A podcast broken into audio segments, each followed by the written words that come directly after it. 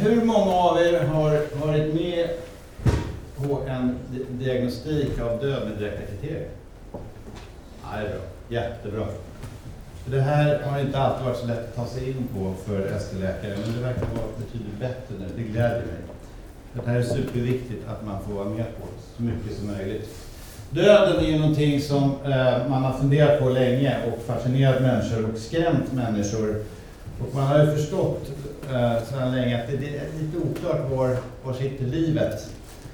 Eh, den här doktorn blev eh, ivägskickad och landsförvisad efter att han började praktisera obduktion i sån här public obduktion, förvisa människor som ut inuti som man trodde då på en avliden människa som företedde tecken på det. Uppenbarligen helt inte utan spontanandning, men dock så lyckades han fiska ut ett slående hjärta i samband med en obduktion. Väckte en del uppmärksamhet. Eh, men det här har ju då eh, oroat folk länge och vid slutet av 1900-talet eh, kunde man köpa en sån här. Nej, slutet av 1800-talet. eh, jag kanske borde köpa det också. Men det här visar liksom, man var lite orolig. Det skulle man då köpa innan man dog helst.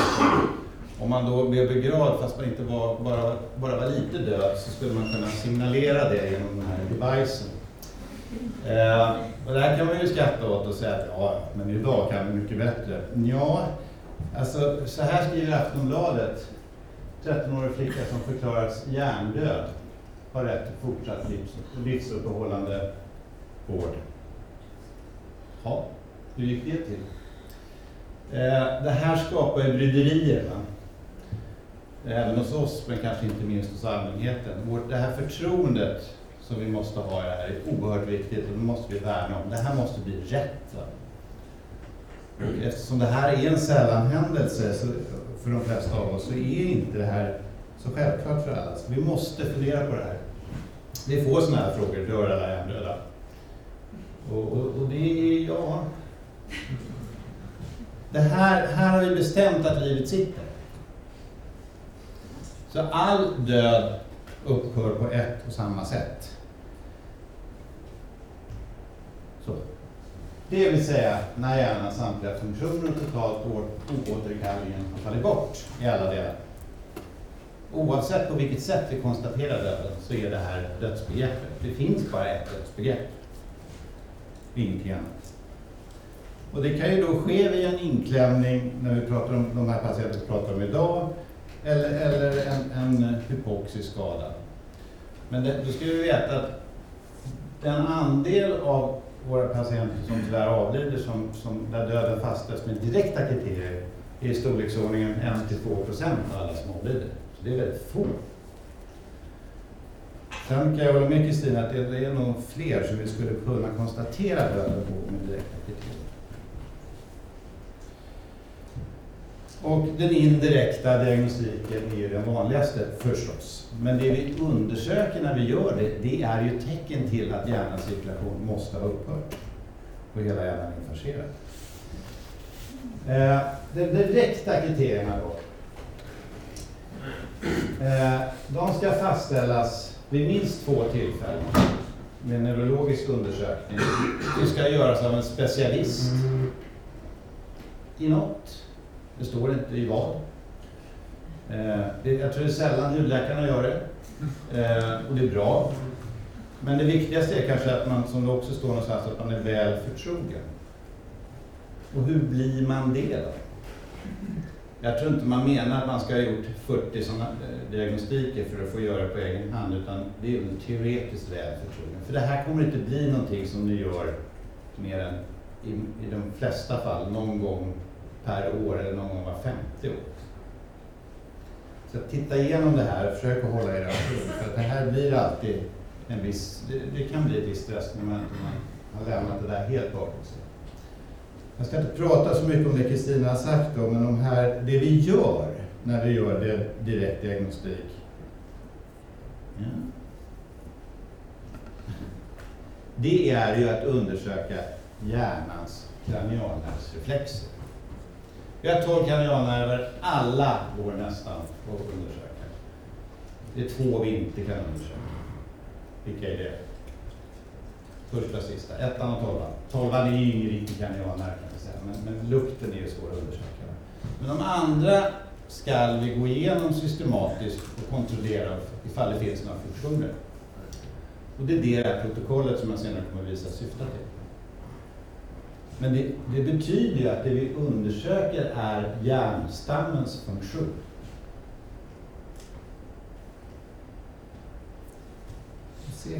Sorry.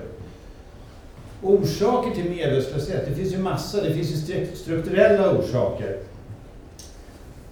Och de känner ni väl till, centrala blödningar eller infarkter som sitter i hjärnans centrum som är viktiga för medvetandet. Eller tumörer och sånt som trycker på, på, på, på centra som, som påverkar medvetenheten. Och det rör sig ofta som pons nära bakre skallgropsprocesser. Eller att trycket kommer uppifrån ner dit. Det här ser vi ju rätt mycket av annars. De metabola orsakerna, de måste vi fundera på också. De måste vi utesluta. Det finns en rad till sådana här, men det här ser vi, inte minst där jag jobbar, rätt mycket av medvetslösa patienter på metabol grund. Men glöm inte bort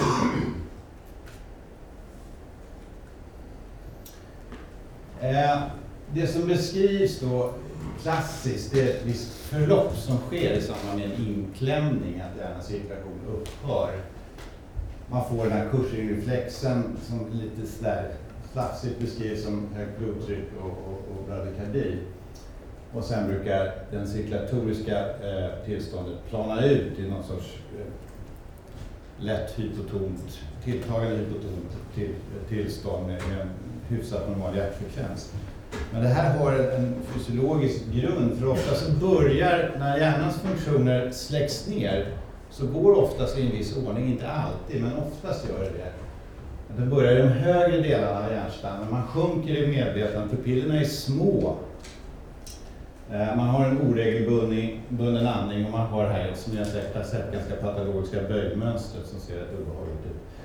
Eh, hit kommer vi rätt ofta Eh, men om man ska gå vidare så kräver det förstås att patienten ligger hos oss på intensivvården och är intuberad. Annars så slutar det här ganska snart. För nästa steg är att man får en påverkad andning. Initiellt med hyperventilation, man får ett sträckmönster och pupillerna blir fixerade och dilaterade för att slutligen då eh, hamna i det här med fixa vida pupiller. Man har apné, inga rörelser förekommer vid smärtstimulering och man får det här blodtrycksfallet som i stor del beror på en, en kärldilatation. David som pratar efter mig kommer gå igenom hur vi vårdar patienterna och vad man kan göra i samband med sådana här inklämningsepisoder. Han kommer prata efter mig. Det här är vad Socialstyrelsen säger, eh, hur man ska göra det här vid medvetslöshet utan reaktion. Eh, alltså det här ska föreligga för att direkta kriterier ska, ska vara uppfyllda. Man ska inte reagera på beröring och tilltal, man ska ha avsaknad av rörelser i ansiktet, man ska vida ljusdelar pupiller, bortfall av reflexer etc. etc. Och det här kommer man liksom inte riktigt ihåg normalt, utan då har man tagit fram det här protokollet. När jag började med det här så fanns protokollet inte, utan varje avdelning hade ett eget protokoll. Och det är inte så att man måste absolut via lagen använda protokollet, men det finns ju ingen orsak i världen att inte göra det. Jag ska bara visa några sådana här bryderier som, som, innan vi går in på protokollet. En är ju det här med, med eh, spinala reflexer. Som jag vet inte om någon har sett det, men det är en ganska speciell situation. Det här är som ni ser en ung man som då eh, är avliden och jag kommer tillbaks där så där gör man lite olika eh, smärtstimulering. Det här är ett bra sätt att göra smärtstimulering på. Jag kommer tillbaks till det sen.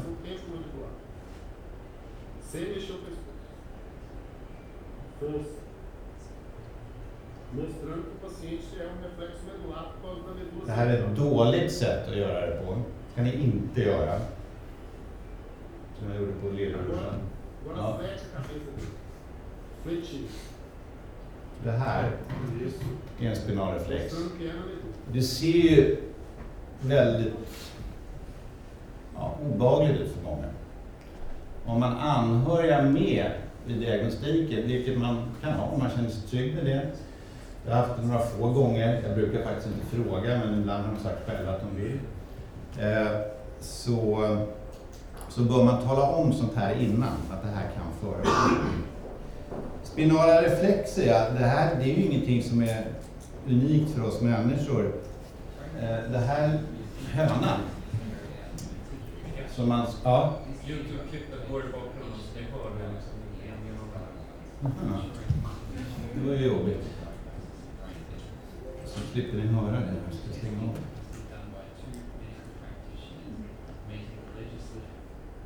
Förlåt. Bra, tack. Jo, spinala reflexer finns ju... Det här hönan som man tog huvudet av sprang runt i ett och ett halvt år efteråt. Världsberöm. Det kan man ju fråga sig varför gör man så? Det, det kan inte jag svara på. Men man, man hällde alltså mat i så fall som ligger här någonstans.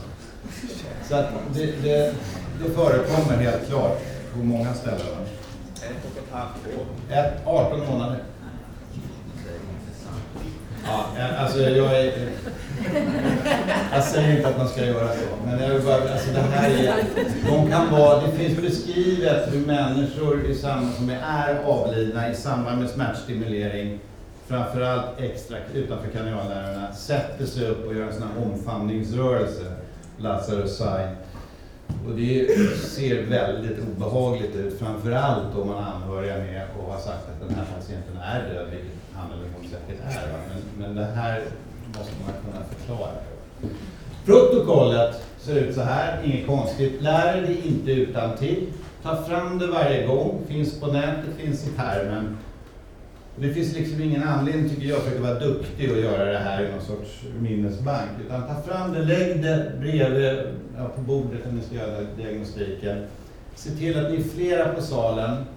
Eh, Jag brukar alltid se till att den sköterska och undersköterska som varit vårdat patienten är med. Eh, Fråga om det är någon kollega som vill vara med i undervisningssyfte. Och som sagt, anhöriga, ja det är inte förbjudet, men, men eh, de bör veta om vad det är man ska göra ungefär och vad som kan hända. Här är då punktat uppifrån. Jag kommer gå igenom det, det är lite torftigt, men jag tycker ändå det är viktigt att ni tänker på de moment som finns i det här. Man börjar uppifrån ner helt enkelt och bockar av. Det är ju två undersökningar som ni ser här. Eh, och det ska skrivas in datum, det ska skrivas in klockslag. Och så ska man då svara om det finns eller inte. Den första punkten gäller då medvetslöshet utan reaktion på tilltal, beröring eller smärta. Tilltal, ja. Och det kan ju kännas lite märkligt att stå och ropa i örorna, för det är båda sidor man ska tilltala patienten på. Det känns lite fånigt, men det ska man absolut göra. Vi testar en kranialnerv där som vi inte kan testa på annat sätt. Så det måste göras. Inom, ska ske inom kranialnervsinnerverat område. Det här som en del andra pysslar med med pennor på naglar och skepparbröst och sånt där, det ska man inte göra. Det finns ingen vits med det. Det ger ingen ytterligare information och i värsta fall så triggar det bara sådana reflexer som gör att det blir rörigt. Låt bli det. Det finns ingen anledning. Och var, vad är kranialnervsinnerverat område? Ja, det är på ansiktets framsida. Det gör inte det här. Det här är ett område som är precis i gränsen va, mellan cervikal innervering och, och trigeminus. Utan gör det här. Eh, och av samma anledning som jag sa, inte på andra ställen på kroppen. Avsaknad av spontana ögonrörelser eller reflexer i käkar, ansikte, tunga och svalg. Fråga eh, de som är på salen, har patienten hostat, tuggat i samband med sugning? Och, och titta på patienten, titta i munnen. Undersök det här noga. Jag har skrivit där bredvid vilka nerver det är som man undersöker vid varje tillfälle. Ja, nej, det var ingen fråga. Eh, det behöver ni inte kunna, men det är bara för bakgrunden så ni vet hur det tuggar igenom de här nerverna. Pupillerna då? Oft, ljusstela, alltid ljusstela, oftast vida pupiller, står det här. Oftast vida. Eh, jaha, varför är de inte alltid vidare? Ja, det beror ju på att det är en balans mellan parasympaticus och sympaticus. Sympaticus är ju från, från sympatiska gräns, gränssträngen, det vill säga utanför hjärnan. Och det har ett tonus och det tonuset kan variera. Pupillerna kan inte bli myotiska. De är alltid ljusstela, men de kan vara varierande vida. De kan vara medelvida och maxvida. Och det beror på hur stort sympaticus-tonus är. Men det viktiga är att de är någon grad av dilatation och framförallt ljusdelen.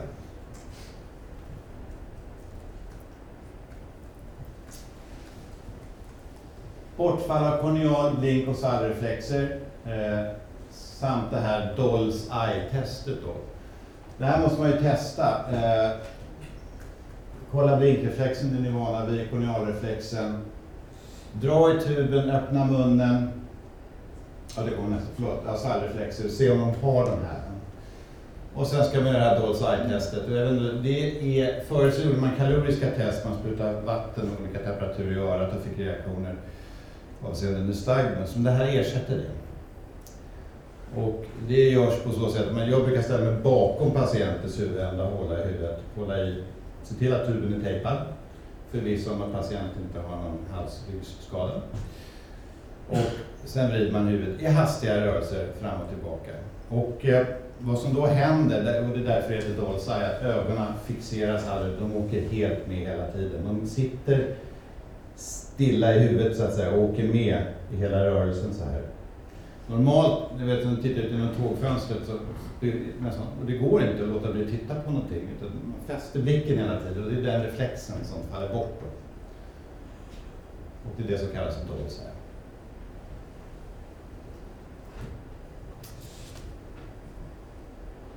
opåverkad hjärttryck vid tryck på ögonbulb eller massage massagemedicinska rörelser. Jag brukar göra båda och egentligen, jag kommer till det, men det alltså Efferensen är alltid vagus. Afferensen är, är två olika nerver man testar här, kanalnerver. Eh, men det är antingen eller som är kravet, men som sagt jag brukar göra båda.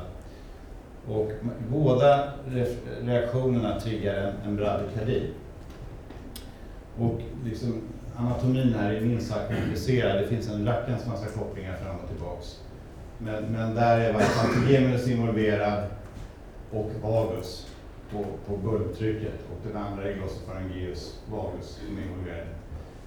Men det är de funktionerna man testar.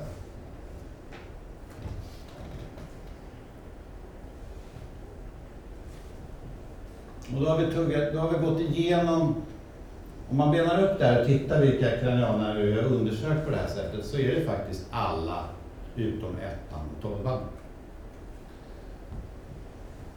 Det som är kvar då, det är det som folk säger synonymt med att man gör hjärnröstdiagnostik, det vill säga apné, nu ska vi göra ett apnétest. Det är ju en del av det, det är inte hela testet.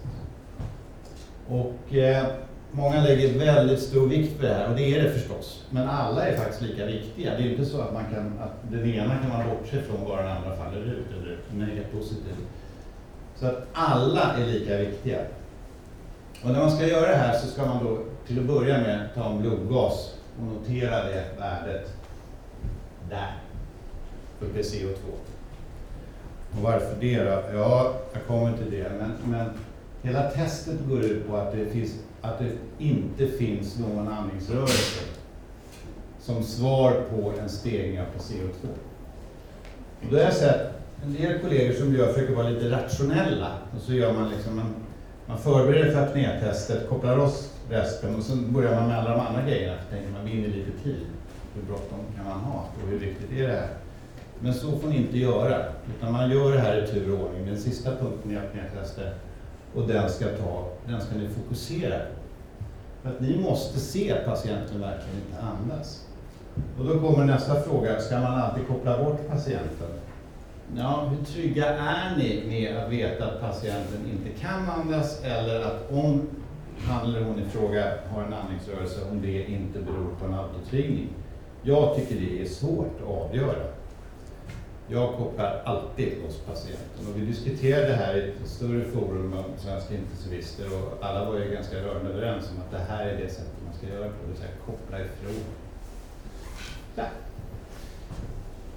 Eh, testet triggar dels centrala eh, receptorer i hjärnstammen och dels eh, vagus och glossopharyngeus. Och eh, hur det här går till. Om man vänder på det här protokollet så står det på baksidan en rekommendation om hur man ska göra det. Och eh, det står att man ska dokumentera, och det du menar dokumentera är PCO2-värdet vid klockslag.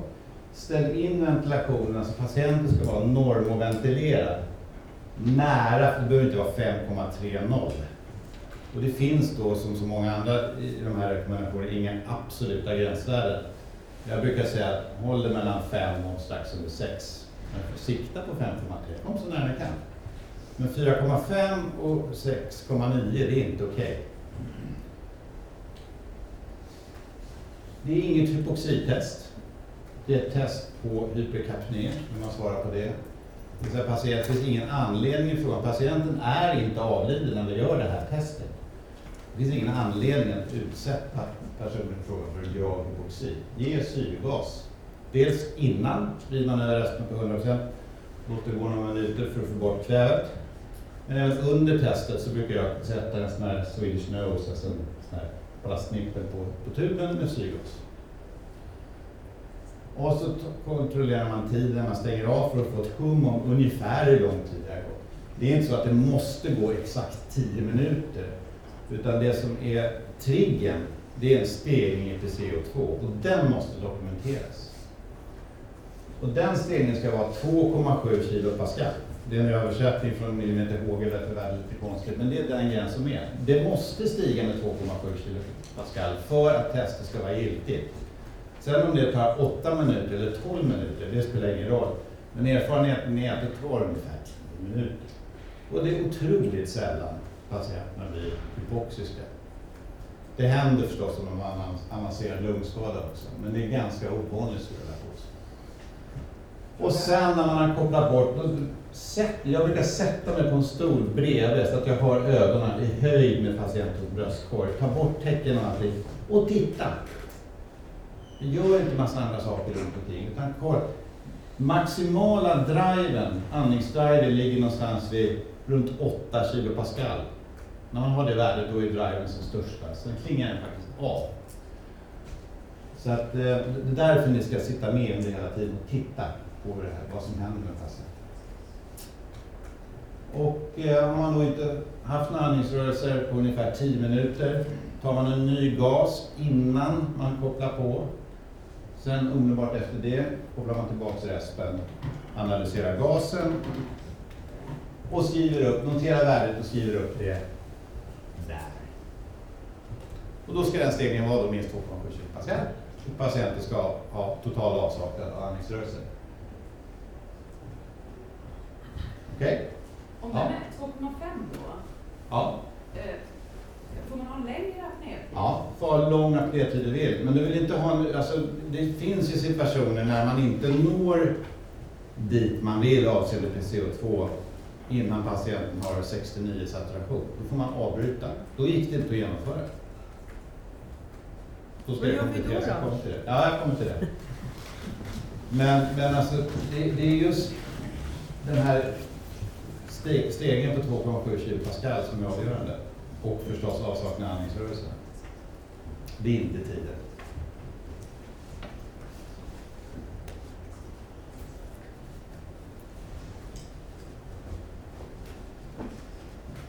Det där står lite längre ner. Har patienten en avancerad hyperkapnisk sjukdom så duger inte det här testet. Då måste det kompletteras. Jag kommer tillbaka till det. Det tänker vi inte alltid på. Det, återigen, det finns inga specifika gränser angivna. Har patienten habituellt PCO2 på 6, 6,5, 7, 8,5 eller vad det nu är. Det finns inga sådana gränser. Utan ligger man habituellt högt och vad är det? då? alltså det, är, det är en bedömning, men jag tycker patienter som habituellt ligger någonstans 6-6,5 är ju tveksamt om det här eh, duger som test. Bara. Eh, det här glöms ibland. När ni är färdiga så tänker man, åh vad skönt, här är lappen. Och så man skriver under. Och sen står då eh, i Stockholm en eller någon annan stackars eh, medarbetare med ett ogiltigt test. Gör inte det. Fyll i det här. glöm inte det. Och sen det här Kristina tar, det här. Eh, den kliniska neurologiska undersökningen ska bekräftas med, jag tycker det, jag ska, bekräfta, jag ska komplettera den med en konventionell angio. Det är den metod som är godkänd i Sverige idag och de flesta andra länder. Det finns inga alternativa metoder som är godkända idag. Eh, vi får se vad som händer, men jag tror att det kommer vara så här ett tag. Det vill säga en fyrkärlsangio. Vi vet att, att resurserna eller möjligheterna att göra det är begränsade. Det finns inte på alla sjukhus, långt ifrån alla sjukhus. Men det ska göras kompletterande. Alltså det är inte så att man kan gå direkt på det här. Man måste göra två kliniska undersökningar först, alltid. Det ska gå två timmar minst mellan dem och det finns inga genvägar. Liksom. Jag har sett kollegor som försöker hitta en orsak och göra en, en angio, liksom låtsas som att det finns en annan orsak än en dödsdiagnostik. Och sen får man ett svar där det står upphörd cirkulation och säger man kolla, det är så, så får man faktiskt inte göra, utan man måste göra det. Man kan ha åsikter om det, men det är så det ser ut, det är så det är skrivet. Men den här kompletteringen ska ske om patientens hjärnfunktioner är metabolt eller farmakologiskt påverkade. Jag kommer tillbaks till det. Det här är ju liksom som ni ser inte några specifika värden på någonting. Nästa punkt är dock det, eh, vilken temperatur man får ha. Och den sista punkten, är orsaken till total hjärninfarkt känd? Vi måste ha en känd orsak till det.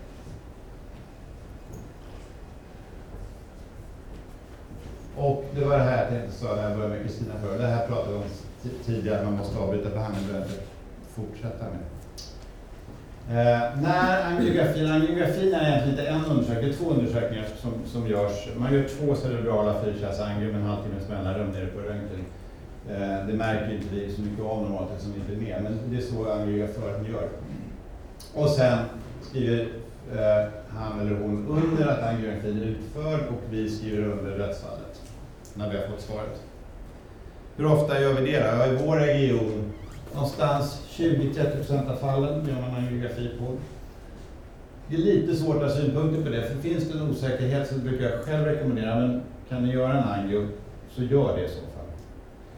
Eh, för att det som jag börjar med, vi måste vara helt trygga med det vi gör.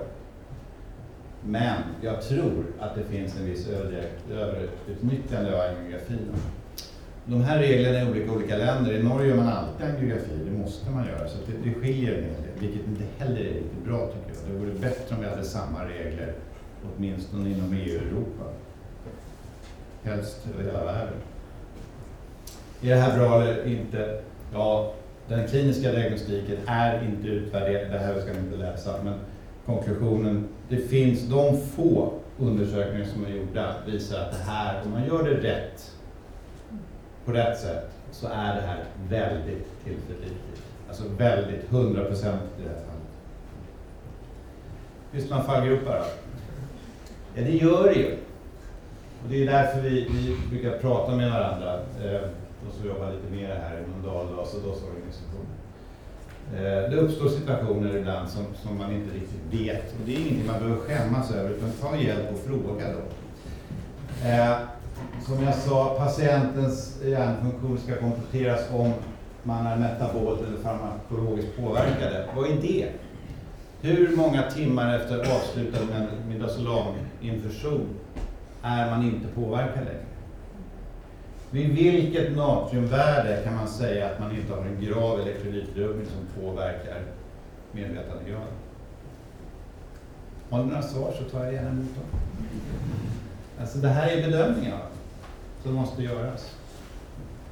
Och det finns inga enkla svar. Vi pratade i den här gruppen med regionalt ansvariga eh, donationsläkare lite grann om just elektrolytrubbningar. Och vi sa väl det finns ett visst underlag för att säga att natriumvärden någonstans 160 eller däröver eh, helt klart kan påverka medvetandet, medvetandet i en ganska uttalad grad. Så under det brukar vi säga när man ringer och frågar vad ska man tolerera för natriumvärde. Men det här handlar ju mycket om hur man vårdar patienten innan man utför diagnostiken.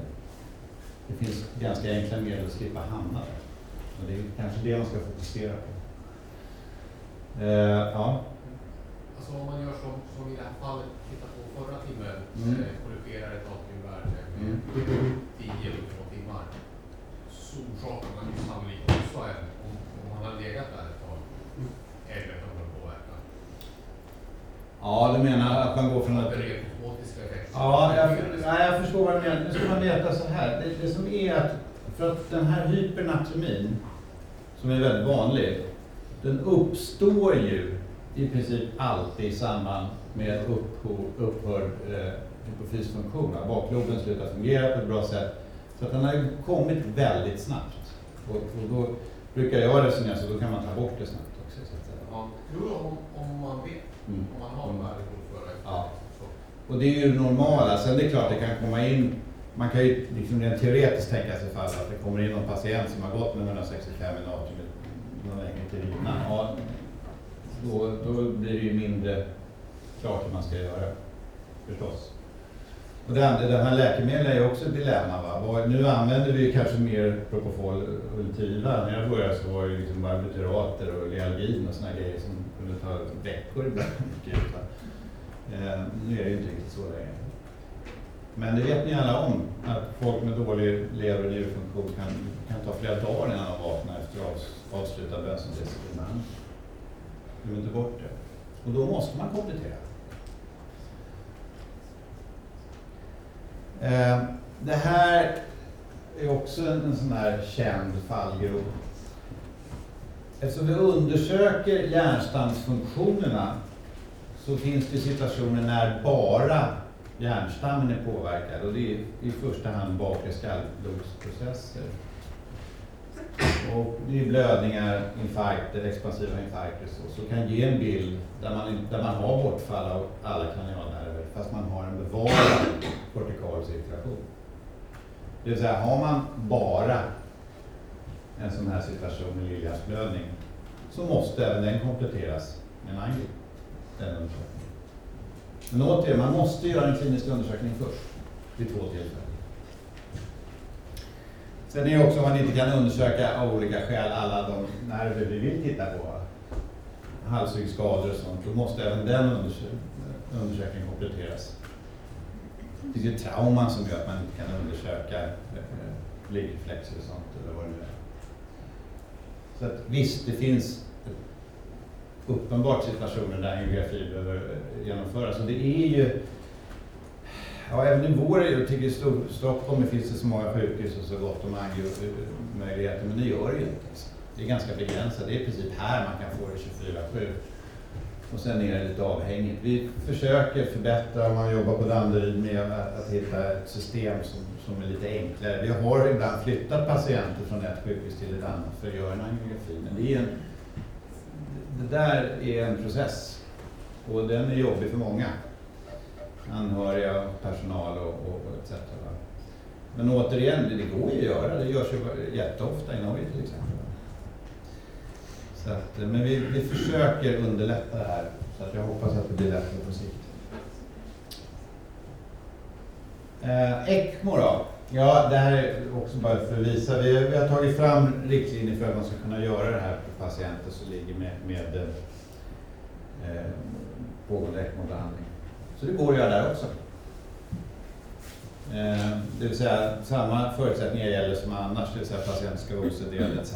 Men, men där höjer man PCO2-värdet genom att ändra svepgasflödet bara så får man samma stegning i PCO2 som man får i ett test.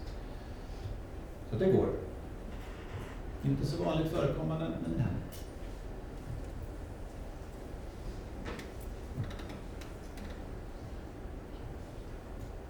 Frågor?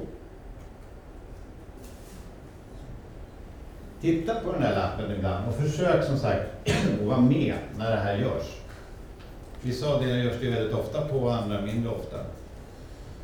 Och eh, jag tycker gott man, man kan, eh, när man gör neurologisk undersökning av en svårt hjärnskadad patient, även om man är rätt övertygad om att patienten kanske inte är totalt infarcerad, så kan man göra den här undersökningen.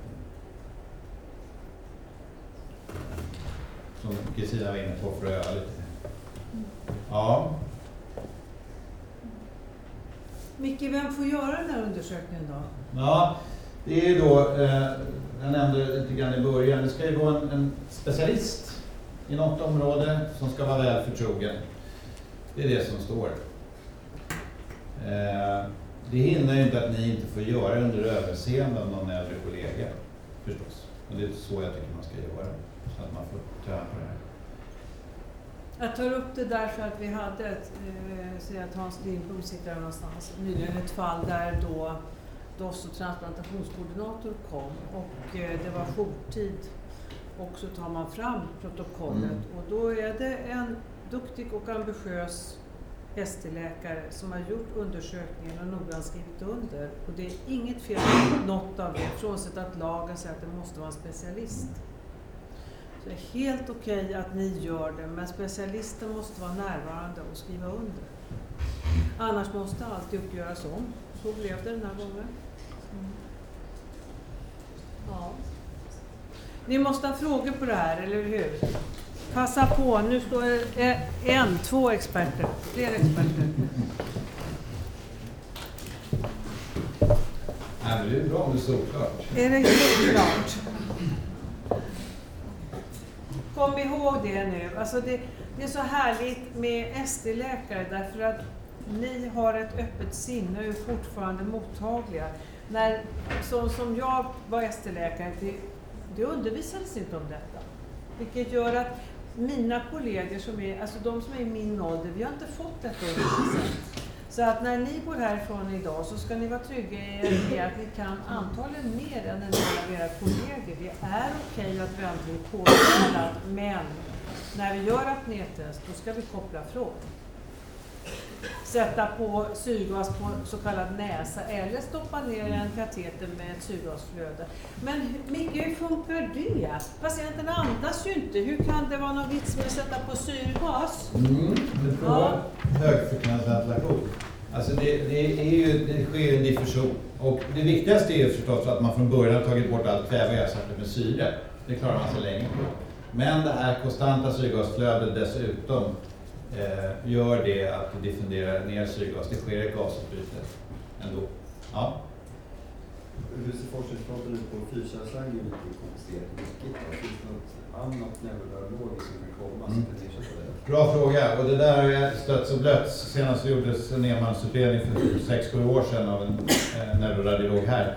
Nej, svaret på det är att nej, idag finns det ingen alternativ metod som man i Sverige anser vara tillförlitlig och i de flesta länder är det samma resonemang. Det finns dock länder som, som godkänner en CT-angio. Eh, Kanada till exempel gör det. Och det beror delvis på att de inte har några nationella direktiv överhuvudtaget utan det, här, det finns en rad tester som, är- som, som man får avgöra på lokal nivå och, och, och där ingår då eh, en CT-angio som som en option. Men det stöttes och blöttes här i samband med den här utredningen för 6 år sedan och eh, där kom man fram till att det inte var tillförlitligt i det läget. Nu håller man på att gå igenom det här igen, det kommer ju ny kunskap och radiologin, det vet ju alla ni, det går ju enormt snabbt framåt. Det har hänt otroligt mycket. Så jag utesluter inte att det finns en möjlighet i framtiden och hur nära den ligger, det tycker inte jag svara på. Mm. Eh, hur gör man om man, som i mitt fall, sitter i Hudiksvall, om man behöver göra en fyrkällsangio? Ja, Alltså att transportera en patient för en fyrkällsangio, så, det är ju ett logistiskt projekt. det är ett logistiskt projekt, helt. Jag kan bara hålla med. Hur, men är det ens görbart? Eh, ja, det är det. Definitivt. Det är görbart. Eh, och det görs ju som jag sa i grannlandet dagligdags, höll jag på att säga, men, men inte ofta. Men det är ju dels att få anhöriga alla att förstå varför man vill göra det här. Det finns ju ett väldigt gott syfte med det. Och är det dessutom den avlidnes önskan att få donera, då ska vi göra allt som är möjligt för det. Sen kommer nästa process. Hur ska transporten ske? Vem ska åka med? Var ska patienten vårdas? Ska man ta tillbaks patienten efter den avlidne? Det, ja, det är en process. Har ni en PCI-verksamhet? Nej. För det är någonting vi tittar på lite grann, se om man kan få andra än just radiologer att, att göra själva undersökningen som sen får bedömas av en radiolog. Mm. Det, är alltså det, inom storstadsregionerna så är det ju mer hanterbart. Ja. Men, men är man då ute på vischan, då, blir det lite svårare. Det blir svårare, jag kan bara hålla med. Och, och det har ju inte blivit bättre med åren, snarare sämre. Mm. Förut så fanns ju angiografimöjligheterna mer utbredda. En annan sak jag bara säger när vi slutar, det är att det finns undersökningar gjorda på vårdpersonal, sjuksköterskor, som visar att det är ganska lågt förtroende för det här. Alltså det finns en tveksamhet om det här är tillförlitligt. Vilket inte alls är bra förstås. Och det är därför som jag sa i början, låt sköterska vara med och förklara. Säg vad ni gör. Det är superviktigt att de också har förtroende för den här undersökningen. Ja, Det var väldigt kloka sista ord. Gör det lugnt, gör det systematiskt, det får ta den tid det tar. Ni kommer känna er tryggare och omgivningen kommer känna sig tryggare. Tack Micke! Nu så!